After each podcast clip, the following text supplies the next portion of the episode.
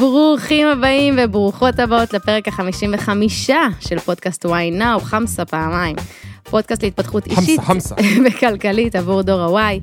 הפרק הזה יעסוק בשלושת השלבים ליצירת שינוי. איך משנים את מה שאני עושה כבר. רותם, איך? רותם, איך? איך, ספרי איך לנו. עושים שינוי? מפסיקים לראות נטפליקס, לעשן. לא, ל- לא מפסיקים, רואים סתם, אבל... סתם, ב- סתם, סתם, סתם. רואים, אבל בטוב, בלי שזה יהיה, יגזול לי את כל נשמתי. בול. אבל לפני שנצלול פנימה, חשוב שתכירו את דני גל, האיש באולפן, שגורם לנו להרגיש כאן בנוח באולפן, דניאל גל, המפיק שלנו. אהלן. דניאל גם עובר דירה, זה הזמן לאחל לו בהצלחה ולשלוח לו בביט למספר אה, 050. 050. הוא צריך ספה. הוא צריך תנור. מי שרוצה להיות סבל, הבאנו לו צבע. אה, אני רותם גולן, מאמנת אישית, וכאן לצידי שי ביבס. שלום, שי ביבס. זהו הפעם. יאללה, זהו. טוב, אז זה פרק קצר וקולע, תהיו איתנו, חשוב, חשוב, חשוב, מרביתנו רוצים לייצר שינוי בחיים שאנחנו לא יודעים איך ומאיפה מתחילים. אז יש שלושה שלבים, אה, שכבר נספר מאיפה הם מגיעים, אבל לפני זה יצא לכם פעם לחשוב למה כל דבר שאנחנו לא מתעסקים בו, מתחיל להיות בבלגן, נניח כשאתה מקבל דוח, סבבה שי? כן. אתה לא מתעסק בו בשבוע הראשון, בשבועיים הראשונים, מה קורה? שוכח ממנו? שוכח, מוזרק באיזה מגירה, באיזה תא כפפות. יפה. באיזה תא כפפות? כי יש איזה עשר מכוניות. נהיה ריבית זה, עניינים, נהיה יותר כסף, בלאגנים וזה. עכשיו נניח החדר שלך מסודר, דמיין את החדר שלך בבית מסודר. אוקיי, שבוע, שבועיים אתה לא מתעסק בו, מה קורה לחדר? מתבלגן, נהיה ברדק, עכשיו אתה אומר, איך? בחייאת, איך? זה היה נקי, זה היה מסודר, לא עשיתי כלום. נכון. נהיה בבלאגן. מה קורה כשאתה לא משקה את הצמחים בבית לאורך זמן? מתים. במקרה שלי גם שאני משקיע אותם הם מתים. מה קורה כשאתה לא עושה, עכשיו נניח הכיור נקי, קמת בבוקר, הכיור בבית נקי, יש. שלם. ספל של הבוקר, שמת בכיור, מה קורה בסוף היום? כל מבולגן ש... מבולגן ועוד כלים. יש לי עוד דוגמה, יש לי עוד דוגמה. ושהיא רוצחת אותך, נו כן. תחשבי על זה שאנשים כל כך הרבה שנים מוציאים כסף מהאשראי ולא בודקים בכלל את התדפיס אשראי שלהם, לא בודקים מה הולך בהם בחשבון בנק. מה קורה אחרי כמה שנים? מה קורה? טלפון מהבנק, שלום, אתה במינוס, אה, חרגת מהמינוס המותר, בוא תיקח הלוואה על המינוס, למה? כי לא סידרת שם את הכספים. כי לא סידרת. עכשיו זה בדיוק, איך הוא אוהב להכניס לי כסף לכל שטות. כל דבר. כל דבר. אבל למה אני אומרת את זה? כי יש סברה שאומרת שהעולם הוא בלאגן.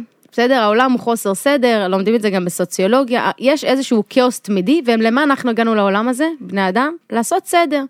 אנחנו עושים סדר בחשבונות שלנו, עושים סדר בבית, עושים סדר בזוגיות. מה קורה כשאנחנו לא מתעסקים בזוגיות שלנו הרבה זמן? אנשים חושבים, זה עומד במקום. לא, לא.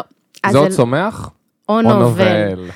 אה, וזה נכון, זה לא סתם חוק שמגיע מהטבע אגב, זה, זה חוק קיומי בטבע שכל מה שלא צומח הוא נובל, הוא לא עומד במקום, ולנו יש מחשבה שאנחנו נעשה משהו, נעשה את הבית, נסדר עניינים, הנה הכל סבבה, אני לא נוגעת בכלום, הכל יישאר ככה, זה לא, זה לא נשאר ככה, זה מתבלגן, זה מתברדק, אה, ויש איזשהו חוסר סדר.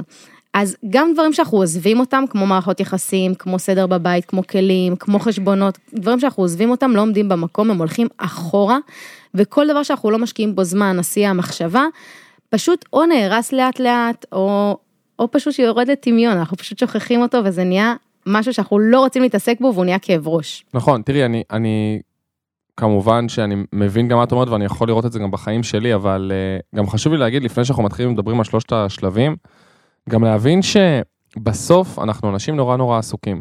כל אחד בשיט שלו, אבל המטרה היא גם לעשות את הפריוריטי הזה שאנחנו מדברים עליו הרבה מאוד פעמים, כי ברור, אם אנחנו לא נשקיע במשהו אז הוא יצמח או, ינבול, אבל בסוף אנחנו גם לא יכולים להשקיע את הזמן שלנו בהכל, שהכל יצמח. אז אנחנו גם צריכים לדעת לחלק את עצמנו ולהחליט עם עצמנו מה הדברים החשובים לי. עכשיו חשוב לי שהזוגיות שלי תצמח, חשוב לי שהבית שלי יהיה נקי, חשוב לי שאני אעשה את הספורט שלי ואהיה בריא. איזה דברים חשוב לי שיצמחו.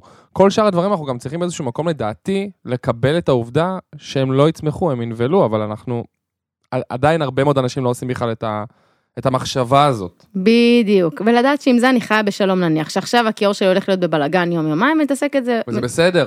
אז בואו שנייה נדבר על זה, למה קשה לנו לעשות את השינוי? למה, האם היום נניח אני רואה כל יום כשאני חוזרת הביתה, זה לא חדש, איזה 90% מהדור שלנו, זה, זה לדעתי, כן, אני לא יודעת את זה מבחינה סטטיסטית, מעניין לבדוק את זה, אבל לדעתי 90% מבני הדור שלנו מגיעים הביתה, לא רק הדור שלנו, גם ההורים, ורואים טלוויזיה, מסיימים את היום, בשעה 7-8 בערב, מתיישבים מול הספה, 9-10, לא משנה מתי, רואים טלוויזיה עד 12-1, מתעוררים מאיזה, מאיזה. נחירה או מרפק או משהו, ועוברים למיטה.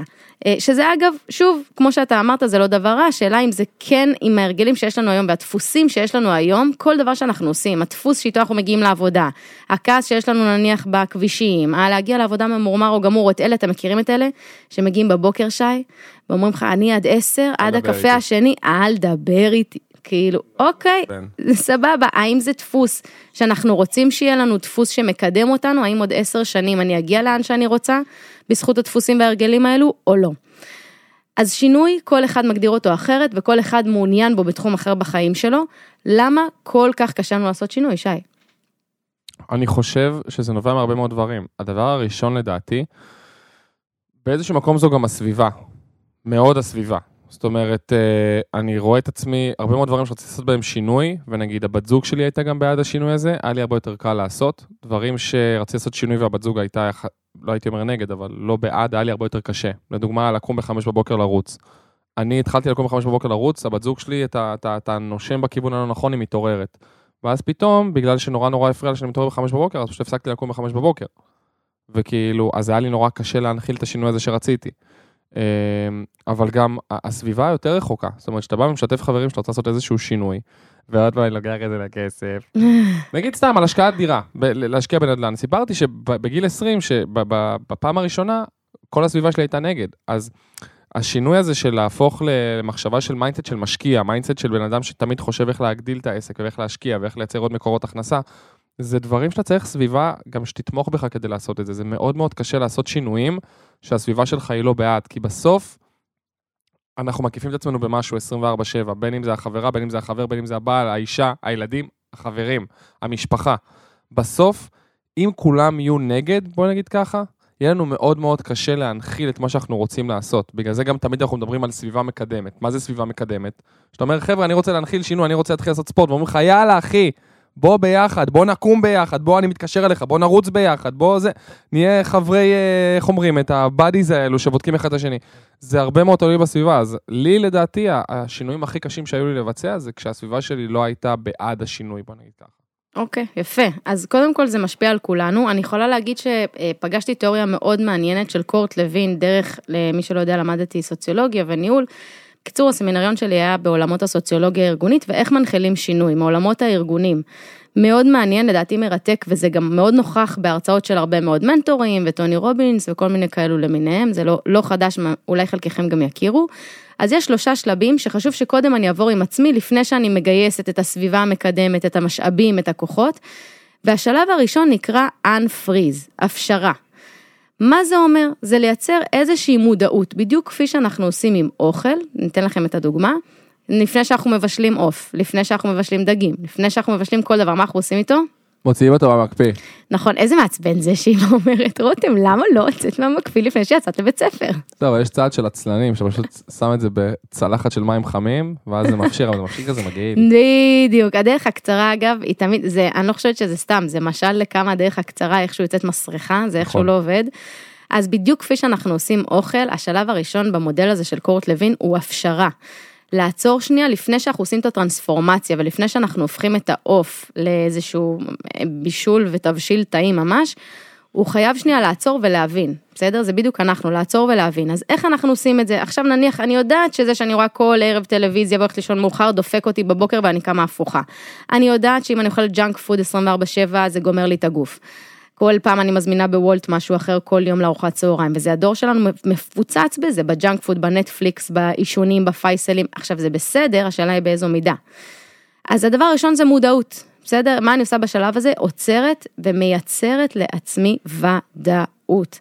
לכתוב רגע, עצרו, תסבירו לעצמכם איפה אתם נמצאים היום, מה המצב הנתון שאתם נמצאים בו, איך אני מסיימת כל ערב, איך אני קמה בבוקר, איך אני נוסעת לעבודה, כמה אני דוחה היום את המשימות שלי, מ-1 עד 10, עד כמה אני דחיינית, מ-1 עד 10, עד כמה אני בורחת לטלוויזיה או לפייסבוק או לאינסטגרם, במקום לסיים את השיט שאני צריכה לסיים, כאילו, בין אם זה הסמינריון, בין אם זה העבודה, בין אם זה להתלבש ולצאת, בין אם זה כל דבר אחר, חשבונות. איך מייצרים את המודעות הזאת, דברו על זה, תכתבו את זה, תבינו מה המצב שלכם היום. אם תמשיכו ככה, עוד עשר שנים, זה הדבר השני. הדבר השני נקרא תרגיל פרה-מורטם, זה תרגיל שלאחר המוות, מי שכותב עליו קצת בגוגל יכול לקרוא עוד קצת, פרה-מורטם, תרגיל שלאחר המוות.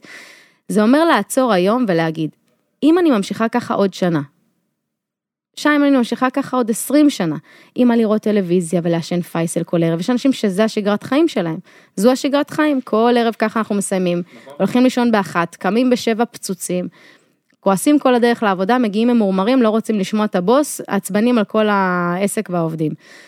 מה יקרה עוד שנה מהיום? מה יקרה עוד 20 שנה מהיום אם תמשיך ככה? וואו. לאן זה יגיע? למקומות לא טובים בוודאות. האם זה יקדם אותך לעבר החזון שלך, לעבר המטרות שלך, לעבר אפילו הזוגיות שאתה רוצה, הילדים שאתה רוצה שיהיו לך, האם היית רוצה שהילדים שלך ככה יגדלו? אז זה התרגיל פרה-מורטם, שזה הדבר השני, בסדר? הראשון זה מודעות, השני זה פרה-מורטם, והדבר השלישי זה תרגיל של רווחים ומחירים. תרגיל של רווחים ומחירים ברמת המודעות, אם עכשיו בוא נעשה את זה, שי. נניח ואתה כל יום אה, מסיים את היום שלך עם טלוויזיה ופייסלים, או רק טלוויזיה, או כל יום נטפליקס, נניח שלוש, ארבע שעות ביום אתה מבזבז על אה, נטפליקס, פייסבוק, אינסטגרם, אוקיי? אוקיי. זה האמת די הגיוני, מרביתנו מבזבזים איזה ארבע שעות. כן. ביום לפחות על, על שלושת הדברים האלו. בוא נעשה רווחים ומחירים למצב. יאללה. מה הרווחים שלך בסיטואציה הזאת, שי? אני נח. אה, אני רואה דברים אה, מגניבים בטלוויזיה, שמבדרים אותי. אוקיי. אה, וואלה, אני מנקה את הראש. מנקה את הראש. מנקה את הראש, נכון, אסקפיזם. נכון, מנקה את הראש. אה, קצת זמן עם הבת זוג, כאילו לרוב שאני יושב בסלון היא יושבת לידי. יפה. אגב, זה רווח משמעותי מה שאמרת עכשיו, אוקיי. כן. אה, יש לי זמן, גם כן, כמו שדניגל אמר, האמת הדבר המרכזי זה פשוט רגע להתנקות ולהתנתק מה, מהיום. אוקיי, מה המחירים שאתה משלם בסיטואציה הזו? אני חושב שהתוכן שאני צורך בטלוויזיה הרבה מאוד פעמים הוא תוכן לא מקדם, ויכלתי לצרוך בזמן הזה דברים יותר מקדמים, או יכלתי לעשות דברים שהם יותר חשובים לי, כמו לדוגמה, במקום לשבת שלוש שעות מול הטלוויזיה, לקחת את השעה הראשונה לפחות ולצאת לרוץ, או לקחת את הכלב שלי שלא ראיתי אותו כל היום, ולקחת אותו לטיול ארוך למטה בגן, או לנצל את הש... עוד שעה מהדבר הזה להתקשר לסבתא שלי שלא דיברתי איתה הרבה זמן, או להורים שלי שלא דיברתי איתם כל היום. אה, לנצל את זה אולי לקריאת ספר, שיכול לעזור ולקדם אותי בדברים שחשובים לי בחיים, כמו כסף והתפתחות אישית. כן, נראה לי. אוקיי, אז בדיוק כמו שעשית עכשיו, יש רווחים ומחירים לכל סיטואציה. Uh, המחיר, אני יכולה להגיד לך, שלי, כשאני רואה טלוויזיה בערב וקורה לי שעכשיו אני בערב שאומרת, די, חלאס, אבל אני קמה שבורה בבוקר, קמה פצוצה, אין לי כוח, אני עייפה, ראיתי שלוש שעות טלוויזיה, אין לי כוח בבוקר לשום דבר. אז יש פה רווחים ויש מחירים לכל סיטואציה. גם מי שחושב שהוא מעשן פייסל כל יום וזה רק הוא משלם על זה מחיר, זה ממש לא, יש פה רווח מאוד משמעותי. אז זה תרגיל המודעות, האם הרווחים עולים על המחירים? fuck it, אם הרווחים עולים על המחירים, אל תעשו כלום. אל תעשו שינוי. כמו לעשות יתרונות וחסרונות, לפני שאתה מתחיל אה, כל דבר בחיים. תמיד אנחנו אומרים, לפני שאתה מתחיל איזשהו משהו, או עושה איזשהו צעד, להבין מה היתרונות והחסרונות של כל דבר. עבודה חדשה. לוח יתרונות וחסרונות, בדיוק שיתפתי אותך שהיה לי איזשהו אה, מצב כזה בעבודה, שהייתי צריך להחליט לאן ללכת, וגם, אנחנו תמיד אומרים, יתרונות מול חסרונות. בכל ב- דבר בחיים. בדיוק, אז זה הדבר הראשון, כל מה ששמעתם פה זה את השלב הראשון במודל, זה שלב ההפשרה. להפשיר שנייה את המצב הקפוא שאני נמצאת בו, את האוטומט הזה שיש לי, ורק לייצר מודעות מאוד מאוד גדולה סביב הסיטואציה. ואני חושב שעוד לפני שאנחנו מתקדמים לשני והשלישי, זה חשוב להגיד שהשלב הראשון זה השלב הכי קריטי כאן. למה? כי בלי ההפשרה, שום דבר שבא אחרי לא שווה. אם אנחנו לא מפשירים ב-100% בראש ומוכנים לשינוי, מוכנים מנטלית לשינוי, מוכנים להביא אותו לתוך החיים שלנו ומבינים גם שהמצב שלנו זקוק לשינוי, שום דבר אחר לא שווה, ואם אתם לא מצליחים לעבור את השלב הזה, אל תתקדמו בכלל לשני ולשלישי. בדיוק. מרבית האנשים, אגב, שמייצרים שינוי, לא עוצרים בשלב הזה. מרבית האנשים אומרים, טוב, די, די, אני מפסיק לראות טלוויזיה, די, די, די, יאללה, בוא נעשה משהו חדש. הם לא נכון. עוצרים כדי להבין רווחים מחירים, הם לא עוצרים לעשות תרגיל פרה-מורטם של לאחר המוות, מה יקרה אם זה יימשך ככה. הם לא עוצרים לייצר מודעות, ואז הם מחזיקים את השינוי שבוע, וזה חוזר חזרה למצב זה הקודם. גם כמו שאתה מדבר עם בן אדם שיש לו אה, התמכרות, אז אומרים, מה הדבר הכי חשוב בהתמכרות? להיות מודע. להיות מודע להתמכרות. בדיוק. וזה לפעמים קשה להביא לאנשים. הדבר השני, אז עכשיו מה, זה היה השלב הראשון, ביצ... שלושת השלבים ליצירת שינוי, השלב הראשון של רותם היה הפשרה. השלב השני נקרא change, מעבר למצב החדש. כלומר, אנחנו צריכים בשלב הזה, אחרי שהבנו, ואחרי שכבר עשינו את ההפשרה שלנו, להפסיק ישר את הדפוס שגורם לנו לה, אה, כאילו, להפסיק את הדפוס שאנחנו רוצים להפסיק בחיים שלנו. לדוגמה, אם אנחנו עכשיו הולכים אה, לישון ב-12-1 ואנחנו רוצים להפסיק את הדפוס של לקום אה, מאוחר לעבודה ו- ולהתארגן מאוד מאוד מהר ולצאת לעבודה כולך שבור ולא לדבר איתך, אז המטרה שלנו לפני שאנחנו הולכים לישון זה לעשות את כל מה שאנחנו צריכים כדי להפסיק את הדפוס הזה ישר. עכשיו, איך אנחנו יכולים לעשות את זה? קודם כל, אנחנו צריכים להתחיל בדבר הראשון בלשתף את היקרים שלנו ולחבר אותם לשינוי שאנחנו הולכים לעשות. לדוגמה, אם אני רוצה החל ממחר להפסיק לקום בשמונה וחצי בבוקר ולהתחיל לקום בשש כדי לעשות ספורט, להתקלח וללכת לעבודה כמו תותח. אני צריך לשתף את הבת זוג שלי שבמקרה, במקרה, ישנה לידי במיטה. במקרה. ממש במקרה. בטעות. את הבת זוג שלי ואת הכלב כמובן, כי אם הוא לא מאשר אני גם, הוא ישן לידי במיטה. אז אני אומר להם, תקשיבו, אני ממחר לא קם יותר בשמונה וחצי, אני קם בשש. כי אני רוצה לעשות כושר, ואני רוצה לעשות יוגה, ואני רוצה לקרוא ספר, ואני רוצה טללי, לא משנה מה. אני משתף אותם בשינוי. למה? בגלל שני דברים עיקריים. אחד, קודם כל שיהיו מודעים. שיהיו מודעים שזה הולך לקרות. חשוב לי לשתף את הסביבה הקרובה שזה הולך לקרות. הדבר השני, כמו שאמרנו, גם נורא חשוב לנו שיתמכו בנו, שתהיה לנו סביבה תומכת. שיחזקו אותנו, אז חשוב לי גם לשתף את זה בסביבה, שיגידו לי, יאללה אחי, איזה חיזוק חיובי, בוא, אתה עושה ספורט, יודע מה, אולי אני אעשה איתך ספורט, יודע מה, תקשר אליי בבוקר כשאתה קם, שנינו נדבר בטלפון שאנחנו עושים ספורט ביחד. אז זה שני דברים שעוזרים לנו לעצירה של הדפוס הקיים ומעבר לדפוס החדש. אה, זה הדבר הראשון. הדבר השני שאנחנו צריכים כדי להשתמש בשלב הזה בצורה יעילה, הוא לייצר דמיון ובהירות למצב החדש. כלומר, אם אני רוצה להפסיק לקום מאוחר לעבודה ולהגיע שבור ופצוץ ולהתחיל לקום מוקדם, אני צריך ממש לכתוב לעצמי איך אני ארגיש ואיך ייראה השינוי שאני אעשה. מה עשוי לקרות לי? זאת אומרת, איך זה ישפיע על היקרים שלי, איך זה ישפיע עליי אם אני אעשה את השינוי הזה, איך היום שלי ייראה, איך העתיד שלי ייראה, איך אני אפילו לעשות את התרגיל הזה של, שלאחר המוות, אבל בקטע החיובי עכשיו. בדיוק. בוא נראה איך אני עכשיו, שאני מתחיל לרוץ בבוקר כל בוקר, ואקום בשש ולא בשמונה, איך ייראה עוד שנה מהיום? איך אני אראה עוד 20 שנה מהיום? איך אני אראה עוד 60 שנה מהיום שאני אהיה בקבר? אם אני אקום לרוץ כל יום בבוקר, אולי זה לא ישתנה כי אני עדיין אהיה בקבר, אבל אני אהיה ספורטיבי. ואני אהיה... בקבר. בקבר. ואז הקבר יהיה קטן יותר. ואז אנחנו חוסכים בעלויות. גם אחרי המוות, אז אני גם חושב על המשפחה שלי. הוא דואג לחסוך בעלויות. אבל מה ששי אומר פה באמת, השלב השני זה ה-change, זה השינוי שיחד איתו אני מביאה את כל הסביבה שלי, משנה, זה עוד פעם, אני לא אמליץ משמונה וחצי לקום בשש, כי זה, זה שינוי יותר מדי דרסטי, אז אני אחזור להרגלים הקודמים שלי, אבל לעשות שינוי שהוא הדרגתי לאט לאט, כן. עם שותפי מחויבות, עם לייצר לעצמי את הדמיון, איך זה יראה, בדיוק כמו שאמרת, ההפך מפרה מורטם, ההפך מהתרגיל של לאחר המוות שעשינו בשלב הראשון. הכי חשוב בדמיון ובהירות הזה, זה לא רק איך אני ארגיש, איך אני זה, איך אני זה, מה, מה הדבר הכי עיקרי שזה בעצם מביא לנו? זה מייצר את המוטיבציה שתהיה לנו, תמיד שיהיה לנו קשה, הרי בשינוי יש לנו עליות וירידות, לבצע שינוי בחיים זה לא פשוט. יהיו לנו ימים שאנחנו לא נעמוד בזה, שאנחנו נרגיש חרא, שלא עמדנו במה שהצבנו לעצמנו, אבל כמו שאנחנו מדברים על כל מטרה בחיים, מה משאיר אותנו בדרך, המוטיבציה שלנו, האש הפנימית ומה שמוביל אותנו לעשות את זה. ולכן, כל השלב הזה של דמיון ובהירות, לייצר את הדמיון ובהירות, לכתוב לעצמי איך אני ארגיש ואיך זה ייראה, ואיך הסביבה תגיב, ואיך אני אגיב כשאני אקום בבוקר, ואיך זה ייראה עוד שנה ועשרים שנה מהיום. למה אנחנו עושים את זה? כדי שבימים שאנחנו לא מצליחים לקום ונדפק לנו הבוקר, להסתכל על מה שכתבנו ולהזכיר לעצמנו למה אנחנו עושים את השינוי הזה. בדיוק, שזה היה בשלב הראשון, זה מאוד עוזר לנו להזכיר ולייצר דחיפות. אז היה לנו את השלב הראשון, שזה ההפשרה. היה לנו את השלב השני, שזה ה-change, לייצר את השינוי, בעצם את המעבר למצב החדש, להפסיק את הדפוס הקיים ולייצר בדיוק. את הדפוס החדש הזה, יום-יום, פעולה-פעולה. והשלב השלישי והאחרון הוא ריפרייז, הקפאה, זאת אומרת זה שלב הקיבוע, אני מקבעת, אני מייצרת התניה. מי שמכיר את הניסוי שעשה פבלוב עם הכלבים, לדעתי דיברנו עליו באחד הפרקים, פבלוב עשה ניסוי וכל פעם כשהוא היה מביא אוכל לכלבים הוא היה עושה רעש כזה טיני ני ני ני ני.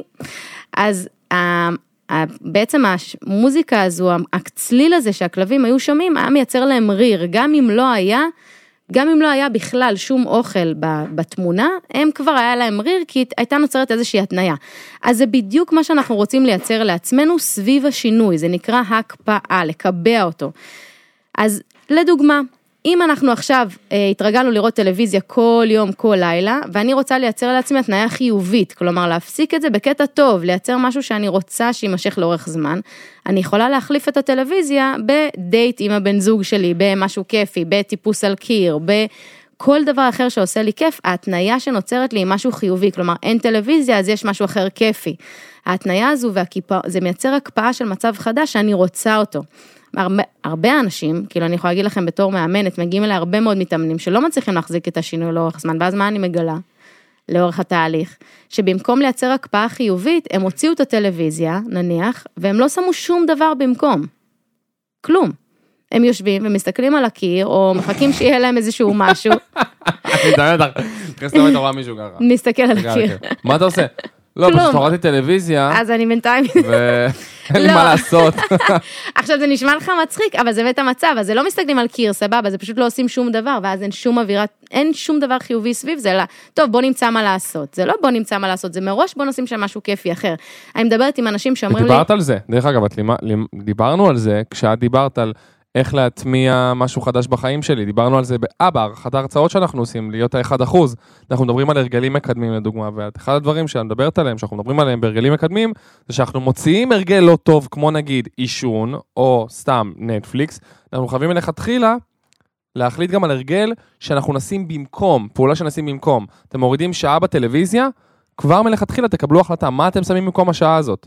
ספורט, לצאת עם הכלב, זמן עם הבת זוג, ללכת לחברים, לא משנה. אבל מעולה. חייב להכניס משהו במקום. בדיוק, אז בואו ניתן דוגמאות, איך עושים הקפאה והתניה שהיא חיובית, בדיוק כמו שפבלוב עשה לכלבים, הם עכשיו שומעים צליל, יש להם ריר, אותו דבר, אם אני שומעת עכשיו ספורט וזה עושה לי כזה איכסה, איכסה, אז מה אני יכולה לעשות שי? לקבוע איתך שלישי בבוקר קבוע רצים, מה, מה נהיית לי, איזה התניה נהיית לי סביב הספורט? שזה כיף. וואלה כיף, מגניב. וואלה אני עם חבר שלי, אנחנו נהנים, איזה שווה, איזה צחוקים. אה, כל דבר כזה כמו, עכשיו אני רוצה לייצר אה, שינוי בעולם של אה, לימודים, וואלה לא כיף לי ללמוד לבד, אני סובלת. כן. אני ישר שים לעצמי משהו כיף, נכון. חברים, סביבה, שייק, אתם מכירים את אלה שקבעו אחרי הספורט לוקחים שייק? אני פעם, מס- או הנה בבקשה דני גל מרים יד, למה הם עושים את זה? אני הרבה פעמים הסתכלתי בואנה איזה אנשים הזיות, כאילו מה הקטע, הם עושים ספורט ועכשיו הם לוקחים שייק מה הם דפוקים? ואז הבנתי, יש פה התניה חיובית, הוא כבר מפרש את הספורט, כרגע כיף שלו עכשיו, הוא יודע שבסוף הספורט הוא מקבל את הצ'ופר, הוא מייצר התניה חיובית מפנק את עצמי. כן, בדיוק. זה כמו אבא שלי, תקשיבי, אבא שלי, פתאום ב- ב- באמצע גיל 50 החליט שבא לו לרכוב על אופניים. זה עכשיו נהיה כזה קטע. לרכוב על אופניים. עכשיו הוא עושה לי, כן, למה אני עושה את זה? זה משעמם תחת, אבל מה? בסוף יש קפה עם חברים, אז אתה רוכב חצי שעה, יושב איזה שלוש שעות עם חברים, יופי, ערן פה מאשר מאחורה. אז זה, זה כאילו, זה סוג של כן, התנאי אומר לי, וואלה, אני בא, כן, אופניים כאילו, סבבה, אני קצת חלק. מזיז את הגוף. אבל אחרי זה שעה וחצי אני יושב בקפה 443, דופק שם קפה עם חברים. אז זה גם חלק מההתניות האלו, אבל לפחות זה מוציא אותו מהבית, לפחות זה גורם לו לעשות את הספורט שהוא רצה. אז מה אם הוא. מחזיר אחרי זה את הקלוריות פי שתיים? לפחות הוא נהנה. או שלפחות הוא זז, הוא עושה נכון. ספורט, אנחנו באורח חיים יושבני, כולנו יושבים נכון. רוב הזמן, אה, אז באמת זה גורם לו לזוז. אז שלב ההקפאה הזה הוא חשוב, זה לקבע את הדפוס החדש שיצרתי עם התניות חיוביות. אז לסיכום, יש לנו שלושה שלבים, הם מגיעים מהמודל של קורט לוין, ממודל של ייעוץ ארגוני והתנהגות ארגונית, לדעתי זה מרתק, בכלל כל העולם הזה של שינוי בארגונים, אנחנו יכולים לקחת את זה כמו שאתם רואים גם לחיים שלנו. הפשרה, זה השלב הראשון, לייצר מודע, איזושהי מודעות סביב הסיטואציה הקיימת. כמו שאתם לא עושים עוף בלי להפשיר אותו, אותו הדבר, לייצר מודעות במצב הקיים, עם שלושת התרגילים שדיברנו עליהם. השלב השני, מעבר למצב החדש, לקטוע את הדפוס הישן ולייצר דפוס חדש במקומו, כן. שאת זה מרבית האנשים מתחילים שם, בשלב שתיים. והשלב השלישי והחשוב הוא להקפיא את המצב, לייצר התניה חיובית למצב החדש, לייצר הרגל שנמשך לאורך זמן סביבו, לייצר התניה חיובית, משהו שגורם לי לרצות להמשיך אותו לאורך זמן, אחרת בדיוק כפי שאני אוריד את הקלוריות, אני אחזיר אותם אחרי חודש, אתם מכירים את זה, זה כאילו יצרנו הקפאה והתניה חיובית סביב ההרגל החדש הזה. אז אלו הם שלושת השלבים, נתנו תרגילים בדרך, אנחנו מקווים שתיקחו מזה כמה שיותר. והיום, ממש היום, ברגע זה, אנחנו מתחילים את הפינה החדשה שלנו, הטיפ השבועי.